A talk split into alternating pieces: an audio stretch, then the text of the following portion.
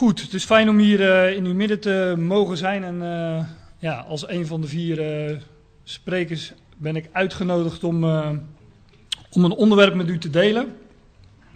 U heeft mijn beginpagina al, al kunnen zien. Gods wijsheid die leidt naar succes. Dat is, dat is mijn onderwerp. Goed, over kinderziektes gesproken. Deze tijd gaat helaas wel van uw pauze af, dus uh, laat ik toch maar snel gaan beginnen. Gods wijsheid die leidt naar succes. Dat is uh, de titel van mijn presentatie. En uh, die titel zou tot misverstanden kunnen leiden. Wellicht bent u bekend met, uh, met de term succesevangelie. Ook wel het welvaartsevangelie genoemd. Zelfs een mooie Engelse term voor heb ik begrepen, prosperity gospel.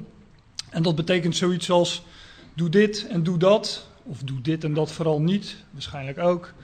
Um, en dan zal het je goed gaan in, uh, in maatschappelijk en in, uh, in, financieel opzicht. Maar daarover uh, wil ik het niet hebben. Um, het leuke is dat het woordenboek ons meteen op het goede been zet. Ik heb het opgezocht in Van Dalen. Wat is nu eigenlijk succes? Van Dalen zegt dat succes is een goede afloop, uitkomst of uitslag. Iets dat goed afloopt. Nou, wij kennen een God die, uh, die alles in zijn hand heeft. Een goed bericht van een God die alles tot een goede afloop, een goed einde gaat brengen. Ja, en dat is niet altijd op een, uh, op een manier die ons uh, welvaart en, en, succes in, volgens wereldse maatstaven zal geven. Integendeel zou ik bijna zeggen. Maar de goede afloop is, is gegarandeerd. En iets wat goed afloopt, dat suggereert eigenlijk ook al dat ja, dat de weg er naartoe niet altijd zonder, uh, zonder obstakels zal zijn. Voor ons dan. Um, ja, Peter heeft al een, uh, een introductie uh, gegeven hè, over ja, wat, wat een beetje de uitgangspunten zijn van, van, deze, van deze dag. Um, ik wil u een aantal schriftgedeeltes laten zien. In ieder geval één vrij lang schriftgedeelte waar ik naartoe wil gaan. En uh, aan de hand daarvan ook wat uh, uitstapjes maken. Maar het lijkt me goed om, uh, om aan het begin um, een samenvatting te geven van de punten die ik in mijn presentatie naar voren wil brengen. Zodat ik tijdens mijn presentatie telkens daar weer naartoe zal, zal verwijzen. het eerste is het kruis van Christus is alomvattend. Wat het kruis van Christus precies inhoudt, daar wil ik het straks over hebben. Um, maar het kruis van Christus is ja, alomvattend, algeheel. Het is compleet, het werk van het kruis is compleet voor het doel waartoe God het bepaald heeft. Dat, uh, dat bedoel ik eigenlijk met deze zin. God laat niets, maar dan ook echt niets over aan een macht die buiten zijn controle ligt. Um, God laat, er is sowieso geen macht die buiten Gods controle ligt. Maar er is, uh, God laat niets aan de, aan de mens over. Hè, als het gaat om zijn, uh, om zijn plan, om zijn uiteindelijke doel. Niet aan een, aan een tegenstander zoals Satan. Het, zijn allemaal um, machten die hij in zijn hand heeft. De wegen die God gaat om zijn doel te bereiken zijn niet naar de mens. Uh, om het kort samen te vatten, wij als mensen, wij zouden het anders doen. Ik heb vaak gehoord dat mensen tegen me zeiden. Ja, als God dan de redder is van alle mensen, eh, als hij dan uh, het al verzoent, waarom doet hij dat dan zo? En waarom moest Christus dan gekruisigd worden? En waarom zus en waarom zo? Nou, die mensen die laten daarmee zien dat ze het uh, in ieder geval niet eens zijn met de wegen die God gaat. De mens zou het dus anders doen. Peter zei net al iets over, over de grondtekst. Um, ik heb dat genoemd schriftuurlijke begrippen. De Bijbel heeft het over gezonde woorden uh, bijbelse begrippen zo u wilt, uh, worden verdraaid en uitgehold om voorgaande punten aan te passen aan menselijke, maar vooral aan, uh, ja, aan godsdienstige maatstaven. Denk aan termen als, uh, als genade, als geloof. Men geeft daar ehm, andere, een andere inhoud aan dan, dan de schrift dat doet. Dit is het eerste schriftgedeelte waar ik naartoe wil gaan. Dat is 1 Korinthe 1. En in dit schriftgedeelte zijn uh, eigenlijk alle punten te vinden die ik uh, in mijn vorige dia liet zien. Uh, Het schriftgedeelte gaat over de, de wijsheid van God. Christus is de wijsheid van, van God. En zet het haarscherp tegenover de wijsheid van deze wereld. Wereldse wijsheid en ook godsdienstige wijsheid, wat we in het gedeelte gaan zien. Ik val midden in een, uh, in een gedeelte, maar ook midden in een vers binnen. Paulus zegt, want Christus heeft mij niet gezonden om te dopen, zegt hij in vers 17, maar om het evangelie te verkondigen. Letterlijk staat er om te evangeliseren. Nu is uh, dit mijn onderwerp niet, en de, uh, de doop, maar um, daarom ga ik naar het volgende gedeelte van het vers. En dat niet met wijsheid van woorden. Paulus die, die schrijft de brief aan, aan de Corinthiërs, en Paulus die ja, die wist wel wat, uh, wat wijsheid van woorden was. Hij had, een, uh, uh, hij had hoge opleidingen genoten, zowel theologisch als, als filosofisch. In Handelingen 17 is hij in gesprek met, met filosofen, Griekse filosofen. En hij citeert daar moeiteloos ja, filosofische, filosofische werken. en Paulus zegt, ik ben niet gekomen met wijsheid van woorden.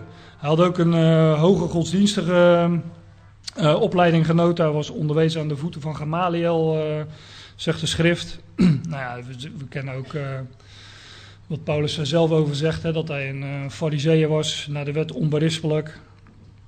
Dus hij had een hoge opleiding genoten, maar hij koos ervoor om ja, niet met die wijsheid van woorden tot de Corinthiërs te komen. En hij zegt in hoofdstuk 2, niet met schittering van woorden, niet in wijsheid van mensen, niet met de wijsheid van deze wereld, niet met de wijsheid van deze aion, deze eeuw. En niet met wijsheid waar Grieken of Grieksen uh, naar streven. En dat deed hij om niet het kruis van Christus tot een holle klank te maken, zegt de MBG-vertaling hier. Letterlijk staat er leeg of ijdel maken. Paulus zegt, ik ga die boodschap niet mooi inpakken. Um, ik ga het uh, niet opsmukken, op, op wat voor manier dan ook. Hij zegt later, en dat uh, vers zal ik ook nog laten zien, ik heb onder u niets anders geweten dan Jezus Christus en die gekruisigd. Dat was de boodschap. En uh, Paulus zegt, ja, geen wijsheid van woorden om niet het kruis van Christus tot een holle klank te maken. Ook godsdienstig gezien, gezien wilde hij daar ja, niets aan toevoegen. Dat, um, in, in, Marcus 7 uh, komen de schriftgeleerden naar de, naar de Heer, naar Jezus toe. En um, dan zeggen de schriftgeleerden tegen, tegen Jezus van uw discipelen, die, wassen, die, die eten brood met ongewassen handen. En ze zeggen dat is niet naar de overlevering van de oude. En um, dan zegt Jezus tegen ze van jullie zijn een stelletje geveinsden. Um, Jezaja zegt al, dit volk eert mij met de lippen, maar hun hart is verre van mij. En uh, jullie, maken, jullie maken het woord van God krachteloos door jullie overleveringen en tradities. Zij waren zo vroom dat ze dingen toe wilden voegen aan het woord van God. Maar ze maakten daarmee juist de boodschap krachteloos en ijdel. Net als water bij wijn doen. Doe je water bij wijn, nou, dan is de wijn uh, is geen wijn meer en is het niet meer te drinken.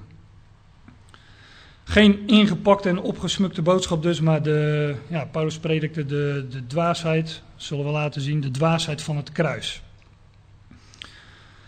Want ik had mij voorgenomen niets anders onder u te weten dan Jezus Christus en die gekruisigd, zegt hij een, eh, een hoofdstuk verder. Maar, maar, wat is dat, het, uh, het kruis van Christus? Wat, wat, bedoelt Paulus daarmee?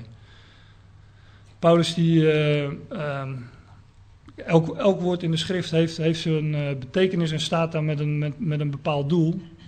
En ehm, Jezus Christus is de naam, dus de titel van de opgewekte. Hij die ooit Jezus was, Jezus die gekruisigd werd inderdaad, maar die nu de Christus is en die zit aan, uh, aan Gods rechterhand in de hemel. Petrus die uh, uh, houdt in Handelingen 2 een hele bekende uh, toespraak op, op de Pinksterdag. Um, en dan zegt hij, um, zegt hij deze woorden, maar dat zegt hij nadat hij gezegd heeft dat, nadat hij de psalmen, hij spreekt over, over Jezus, hij citeert uh, de psalmen van David en hij legt uit dat in die psalmen gesproken wordt van de opstanding van de Messias. En um, dat David een profeet is en dat, uh, dat zij Jezus hebben gekruisigd, maar dat God hem heeft opgewekt. En dan zegt Petrus, dus moet ook het ganse huis van Israël zeker weten dat God hem en tot Heer en tot Christus gemaakt heeft. Deze Jezus die gij gekruist hebt. En uit het voorgaande blijkt dat Jezus Heer tot Heer en Christus is gemaakt door zijn opstanding. Als we het hebben over Jezus Christus en die gekruisigd, en als we het hebben over het kruis van Christus, dan, is, dan hebben we het over degene die uh, nu opgewekt, die opgewekt is en nu zit aan Gods rechterhand in de hemel. Hij is Heer, hij is bezitter, betekent dat. Hij is eigenaar. Um, schrift voegt daar op andere plaatsen, zoals, uh, zoals de Romeinen 10, um, ehm, Romeinen 14 naartoe, dat hij Heer is van allen. Heer is geen voorwaardelijk begrip of zo. Als ik, uh, ik gaf in mijn, een van mijn eerste dia's aan dat uh, schriftuurlijke begrippen, gezonde woorden, worden uitgehold. Um, en men zegt van, uh, hij wordt jouw Heer als u voor hem kiest, bijvoorbeeld. Nou, dat is onzin. Hij is Heer, want hij is door God tot Heer en tot Christus gemaakt. Christus is een, een gezalfde, letterlijk. Dat is het, uh, gewoon het Griekse woord voor, uh, voor gezalfde. In het Hebreeuws is dat Messias. En hij is gezalfd met leven. Door God tot Heer en Christus gemaakt, levend gemaakt. Daar gaat het dus over als we het hebben over het woord van het kruis. Het kruis van Christus of Jezus Christus en die gekruisigd. In 1 Korinthe 15 zegt Paulus: En indien Christus niet is opgewekt, dan is uw geloof zonder vrucht, dan is uw geloof zonder inhoud, dan zijt gij nog in uw zonde. Conclusie: de opgewekte Christus is de inhoud van ons geloof. Ga ik verder in uh, 1 Korinthe 1, het volgende vers. Want het woord van het kruis is wel voor hen die verloren gaan dwaasheid, het woord van het kruis, dat, er, uh, uh, dat God deze wereld redt door een gekruisigde. Ja, dat is voor, uh, voor die wereld is dat dwaasheid. Het kruis is de meest verachtelijke dood. En ehm, ja, een, een, boodschap van redding door iemand die aan een kruis is genageld. Ja, dat is, dat, dat is dwaasheid voor de wereld. Maar voor ons die behouden worden, is het kracht van God. God um, heeft in zijn, in zijn wijsheid zijn, zijn zoon opgewekt. Een aantal versen verder staat het ook. Hij is Christus, kracht van God en wijsheid van God. De kracht van God is natuurlijk Gods opstandingskracht, waardoor hij tot Heer en tot Christus is gemaakt. En God heeft dat um, ja, besloten om dit zo te doen in zijn wijsheid. En het is, hè, zoals de titel van mijn presentatie luidt, het is Gods wijsheid die, uh, die leidt naar succes. Dat God dit zou doen, wordt uh, in 1 Korinthe 2 verborgen wijsheid genoemd. Wat wij spreken is de verborgen wijsheid van God. En geen van de, de beheersers deze eeuw heeft van haar geweten, want indien zij van haar geweten hadden, zouden zij de Heer der Heerlijkheid niet gekruisigd hebben, zegt 1 Korinthe 2.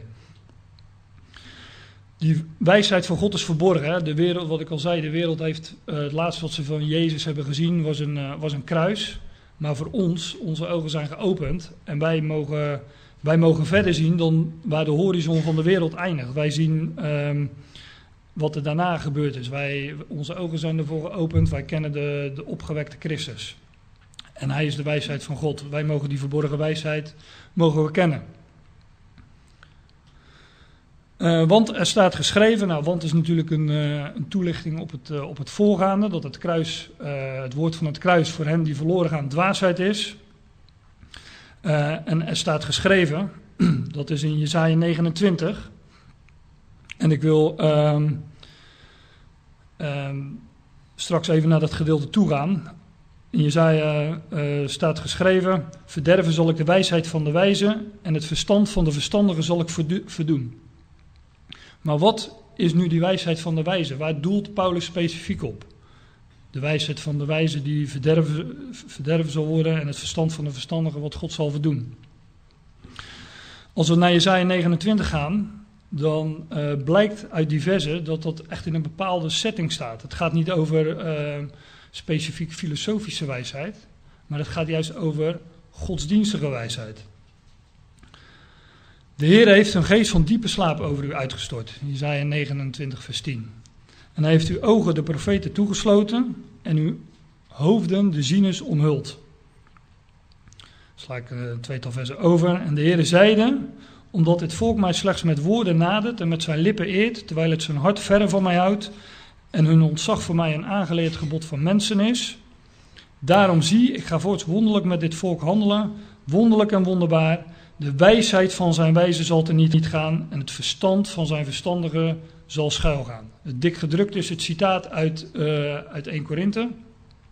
En ik heb de woorden in vers 13 uh, ehm, onderstreept. Hè. Slechts met woorden naderen, slechts met de lippen eren, terwijl het hart verre uh, van God is. En hun ontzag uh, voor God is een aangeleerd gebod van mensen. Net als wat ik net al aanhaalde uit, uit Marcus 7. Het is puur godsdienstige setting. En Paulus zegt in 1 Korinthe 1 dat, ja, dat God die wijsheid, van, die, die wijsheid, tussen aanhalingstekens dan natuurlijk uh, gaat er niet doen en gaat beschamen. Waar blijft de wijze? Waar de schriftgeleerden? Waar de redetwisten van deze tijd? Heeft God niet de wijsheid van de wereld tot dwaasheid gemaakt? deze, deze wijsheid, weer tussen aanhalingstekens, is dus, uh, ja, dat is dus echt dwaasheid voor God. Want daar de wereld in de wijsheid van God, de wijsheid Gods, door haar wijsheid God niet gekend heeft, dit is wel leuk, er staat um, dat het in de wijsheid van God zo bepaald is dat de wereld in haar wijsheid God niet gekend heeft. Ik heb het even tussen haakjes gezet, dan lees je het wat makkelijker. Maar God heeft het dus van tevoren zo bepaald dat hij dit ging doen. Dus het is niet zo dat er iets misgaat bij God of zo, of dat, uh, ja, dat, dat God om al die tegenwerking heen moet. Hij heeft het gewoon gepland. Hij heeft het zo bepaald in de wijsheid van God uh, is het zo bepaald dat de wereld door haar wijsheid God niet kent of niet kan kennen. En dan gaat het over filosofische wijsheid en over godsdienstige wijsheid, zoals in het voorgaande zagen.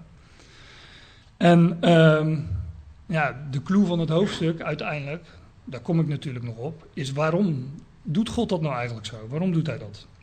Maar daar komen we ons vanzelf op, want we gaan gewoon, uh, we gaan gewoon verder. Uh, het heeft God behaagd door de dwaasheid van de prediking te redden hen die geloven. God redt ons door een dwaze prediking. Hè? Redding, redding door de kruisiging van, uh, van de Messias. Geen menselijke wijsheid en filosofie, geen godsdienst, religie of eigen werken van de mens. Maar zoals ik in mijn uh, introductie al aangaf, God laat niets, maar dan ook echt niets aan de mens over. Immers, Joden verlangen tekenen en Grieken zoeken wijsheid. Maar God gaat hier volledig aan voorbij. die gaat aan voorbij wat, wat, wat, wat de Joden verlangen, die tekenen, en wat de Grieken zoeken in hun, uh, in hun wijsheid. Paulus zegt in Galaten 1: Ben ik nu bezig mensen te overtuigen of God? Of zoek ik mensen te baren? Indien ik nog mensen trachten te baren, dan zou ik geen dienstknecht van Christus zijn. Want ik maak u bekend, broeders, dat het evangelie, door, het welk door mij verkondigd is, niet is naar de mens.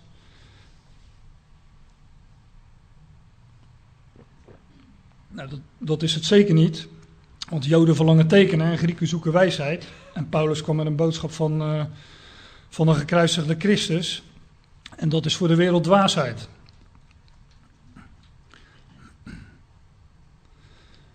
Wij prediken een gekruisigde Christus. Voor Joden een aanstoot, voor heidenen een dwaasheid. En uh, de term Joden, ja, dat gaat over, het gaat over godsdienst. Je kunt daar ook uh, andere godsdiensten invullen, ook de christelijke godsdienst.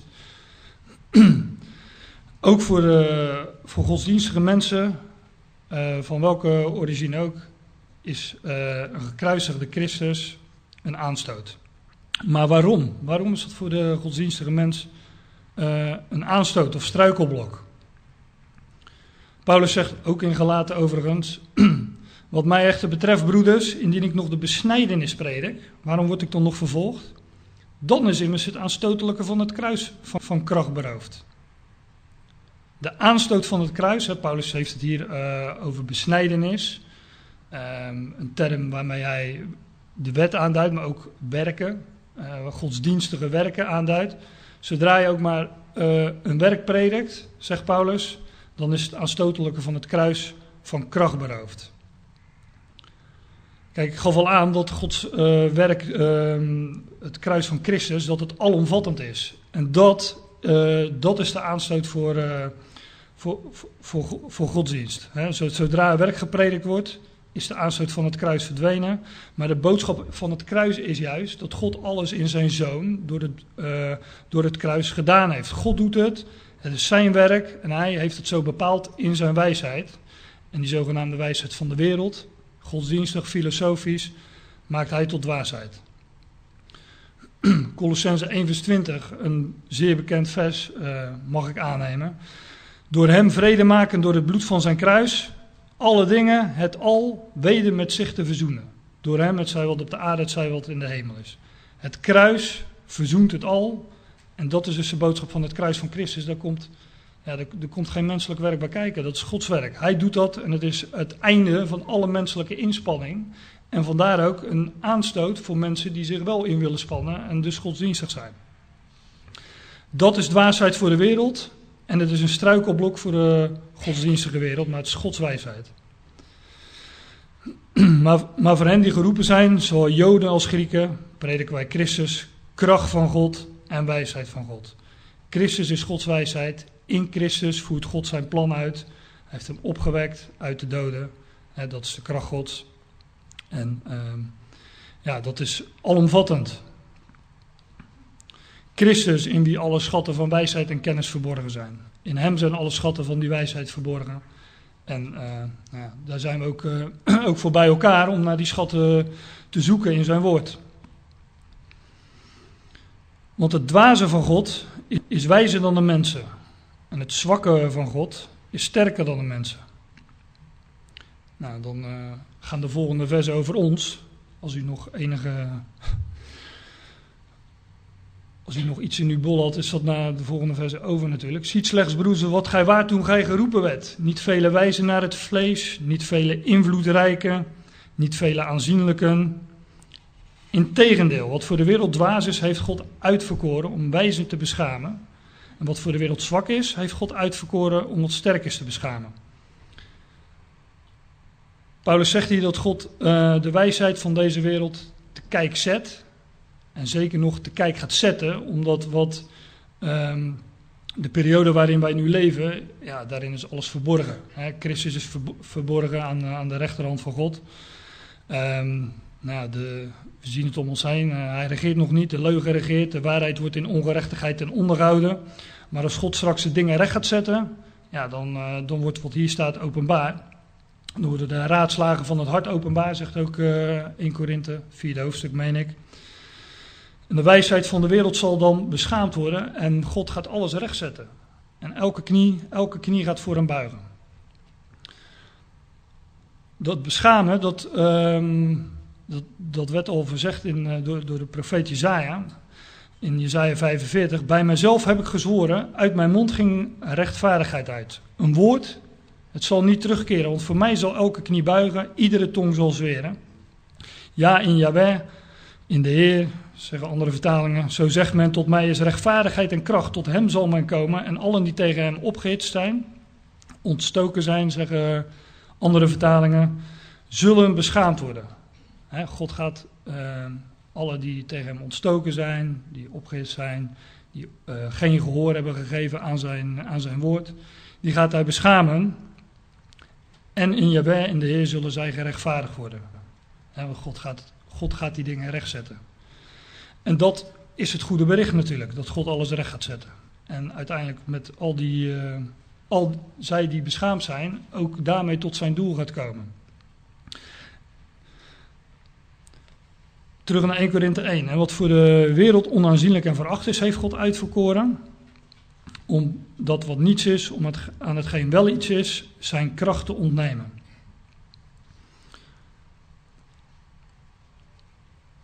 Dit gedeelte Ehm, wat ik zojuist uh, besproken heb. Daar komt drie keer dat, uh, dat begrip uitverkoren in terug. Dat, uh, ja, toen ik deze studie zou voorbereiden, viel mij, viel mij dat op. Um, uitverkoren is ook zo'n uitgehold en um, ja, een begrip met een nare theologische bijsmaak. ik had het net over uitgehold, maar ik denk dat verkracht hier beter op zijn, op zijn plek zou zijn omdat, uh, omdat de hele boodschap van uitverkiezing zo lijnrecht staat tegenover wat men er in de theologische wereld uh, van zegt. Kijk, hier staat het er netjes bij. Um, waartoe wij uitverkoren zijn bijvoorbeeld. Het staat er elke keer bij. Om wijzen te beschamen, om wat sterk is te beschamen, om, het, uh, wat niets is, om aan hetgeen wel iets is zijn kracht te ontnemen. Dus de vraag, uh, kijk, kijk God, God, wil, God de mens iets laten zien. Uh, concludeer ik hieruit dat hij het is die het doet. En bij uitverkiezing zou de vraag altijd moeten zijn: waarom of waartoe, um, tot wat is iemand of iets uitverkoren? En ik ken een schitterend voorbeeld in, uh, in Genesis 12. Waar staat, de Heer nu zeide tot Abraham, ga uit uw land en uit uw maagschap en uit uw vaders huis naar het land dat ik u wijzen zal. Ik zal u tot groot volk maken en u zegenen en uw naam groot maken en gij zult tot zegen zijn. En dan komt het.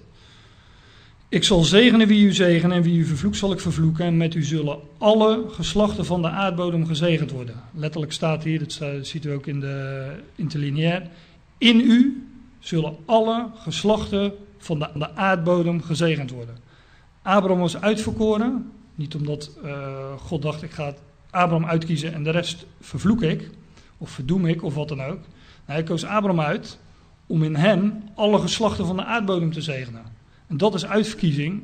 En dus is ook uitverkiezing een, uh, een goed bericht. Um, ja, uitverkiezing. Uh, we, komen dat. Uh, ik wil er nog even op doorgaan. We komen dat bijvoorbeeld tegen in, in Romeinen 9. Ehm, Jacob en, waarover Jacob en Ezo wordt gesproken. En um, de schrift zegt dan dat um, voordat die twee geboren waren, nog iets goeds of kwaads hadden gedaan, had God zijn keuze al gemaakt. En had Jacob uitgekozen. Naar het verkiezend voornemen van God. Uitverkiezing dus. Ook in Romeinen 9 zegt God tot Mozes: Over wie ik mij ontferm, zal ik mij ontfermen. En jegens wie ik barmhartig ben, zal ik barmhartig zijn. Uh, schrift zegt ook in Romeinen 9: Farao is verwekt, opdat God in Farao zijn kracht zou tonen. En zijn naam verbreid zou worden over de gehele aarde. De boodschap van, uh, van Romeinen 9 tot 11 is, die vertelt hoe, hoe het uh, door het ongeloof van Israël redding bij de natieën, bij de heidenen terecht is gekomen. En dat Israël verhard is geworden en ongelovig. De vraag die Paulus in deze hoofdstukken behandelt, ik ga er heel snel doorheen omdat, omdat, omdat ik maar 30 tot 40 minuten heb gekregen. De vraag die Paulus uh, behandelt in de, deze hoofdstuk is van uh, hoe zit het nu met het uitverkoren volk? Want Israël is een uitverkoren volk. Hoe zit het daarmee? Of God zijn volk soms verstoten? Vraagt hij ook letterlijk. En als men over uitverkiezing in de theologie spreekt, is mij opgevallen dat het met name gaat over Romeinen 9. En daar houdt men op. Maar ehm, het, het, gedeelte is natuurlijk geheel de hele brief. Maar er is geen Romeinen 9 zonder ook Romeinen 10 en 11. En daarom wil ik u laten zien wat er in Romeinen 11 staat. En daar, hebben we het wel, ja, daar blijkt ook uitverkiezing weer een eindgoed al goed te zijn. Door Israëls val is redding tot de natie, tot de heidenen gekomen, om hen tot jaloezie op te wekken. U ziet hiermee overigens ook dat, um, uh, dat het ook weer ten gunste is van Israël, om hen tot jaloezie op te wekken. God heeft ook Israël hier weer mee op het oog. Er is altijd een gelovig overblijfsel, zegt Romeinen 1, ook weer naar de verkiezing van de genade. Dus ook daar weer uitverkiezing. Als Israëls vol rijkdom voor de wereld uh, betekent en een tekort rijkdom voor de heidenen, hoeveel te meer hun volheid? Dat wat Israël nu tekort komt, ze zijn in overtreding, ze geloven niet, ze zijn gevallen of gestruikeld, uh, zegt uh, Romeinen 9. Wat ze nu tekort komen, God gaat het aanvullen. En zegt Paulus, ja, hoeveel te meer hun volheid? Met allemaal uh, uitroeptekens. Indien Israëls verwerping de verzoening van de wereld is, hè, doordat Israël de boodschap verwerpt, is redding, verzoening, uh, is, is de wereld verzoend. Wat zal hun aanneming, hun terugneming, staat hier letterlijk, wat als God hun terugneemt? Nou, dat zal dan wezen leven uit de doden. Nou, dat is een goed bericht. God heeft hen allen onder ongehoorzaamheid besloten, is de slotconclusie van Paulus, als het gaat over uitverkiezing. God heeft hen allen, Joden, heidenen, onder ongehoorzaamheid besloten om zich over hen allen te ontfermen. Dus God heeft allen, Joden, natie, onder ongehoorzaamheid besloten om zich over allen te ontfermen. Ja, en dan roept Paulus het uit, o diepte van rijkdom, van wijsheid en van kennis van God. Wij zouden dat niet bedenken, maar God heeft het zo bedacht in zijn wijsheid. En het is een, uh, een eindgoed, algoed. En ja, Paulus roept het dan uit, uh, wat een wijsheid, wat een rijkdom, wat een kennis van God. Want uit hem, door hem en tot hem zijn alle dingen. Ja, dit is natuurlijk het absolute hoogtepunt van, uh, van het gedeelte. Alles is uit God. God heeft, is de schepper van alles.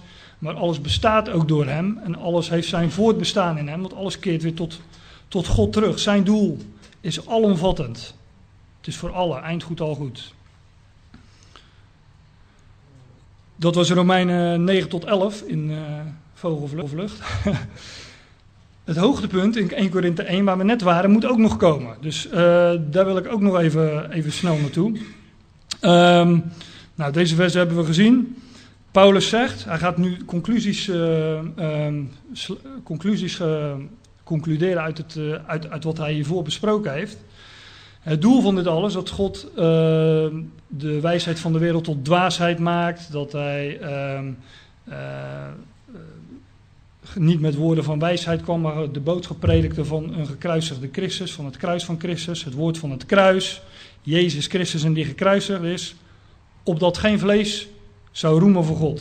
Ik zei al, God laat niets buiten een, uh, aan, een macht om, aan een macht over die buiten, buiten hem omgaat. Maar uit hem is er dat gij in Christus Jezus zijt, die ons wijsheid van God is geworden. Wijsheid van God. Rechtvaardigheid, heiliging en verlossing. En nog maar eens, het is uit hem. Opdat het zij gelijk geschreven is, wie roemt, roemen in de Heer. Ja, dit is Paulus' slotconclusie. Ik heb die, uh, die zaken nogmaals onderstreept. Geen vlees zou roemen voor God. Het is uit hem dat gij in Christus Jezus zijt, want wie roemt, roemen in de Heer. God laat niets aan de mens over. Het is allemaal zijn werk. Hij doet het en daarom is het ook succesvol. succesvol. Hier wilde ik het bij laten.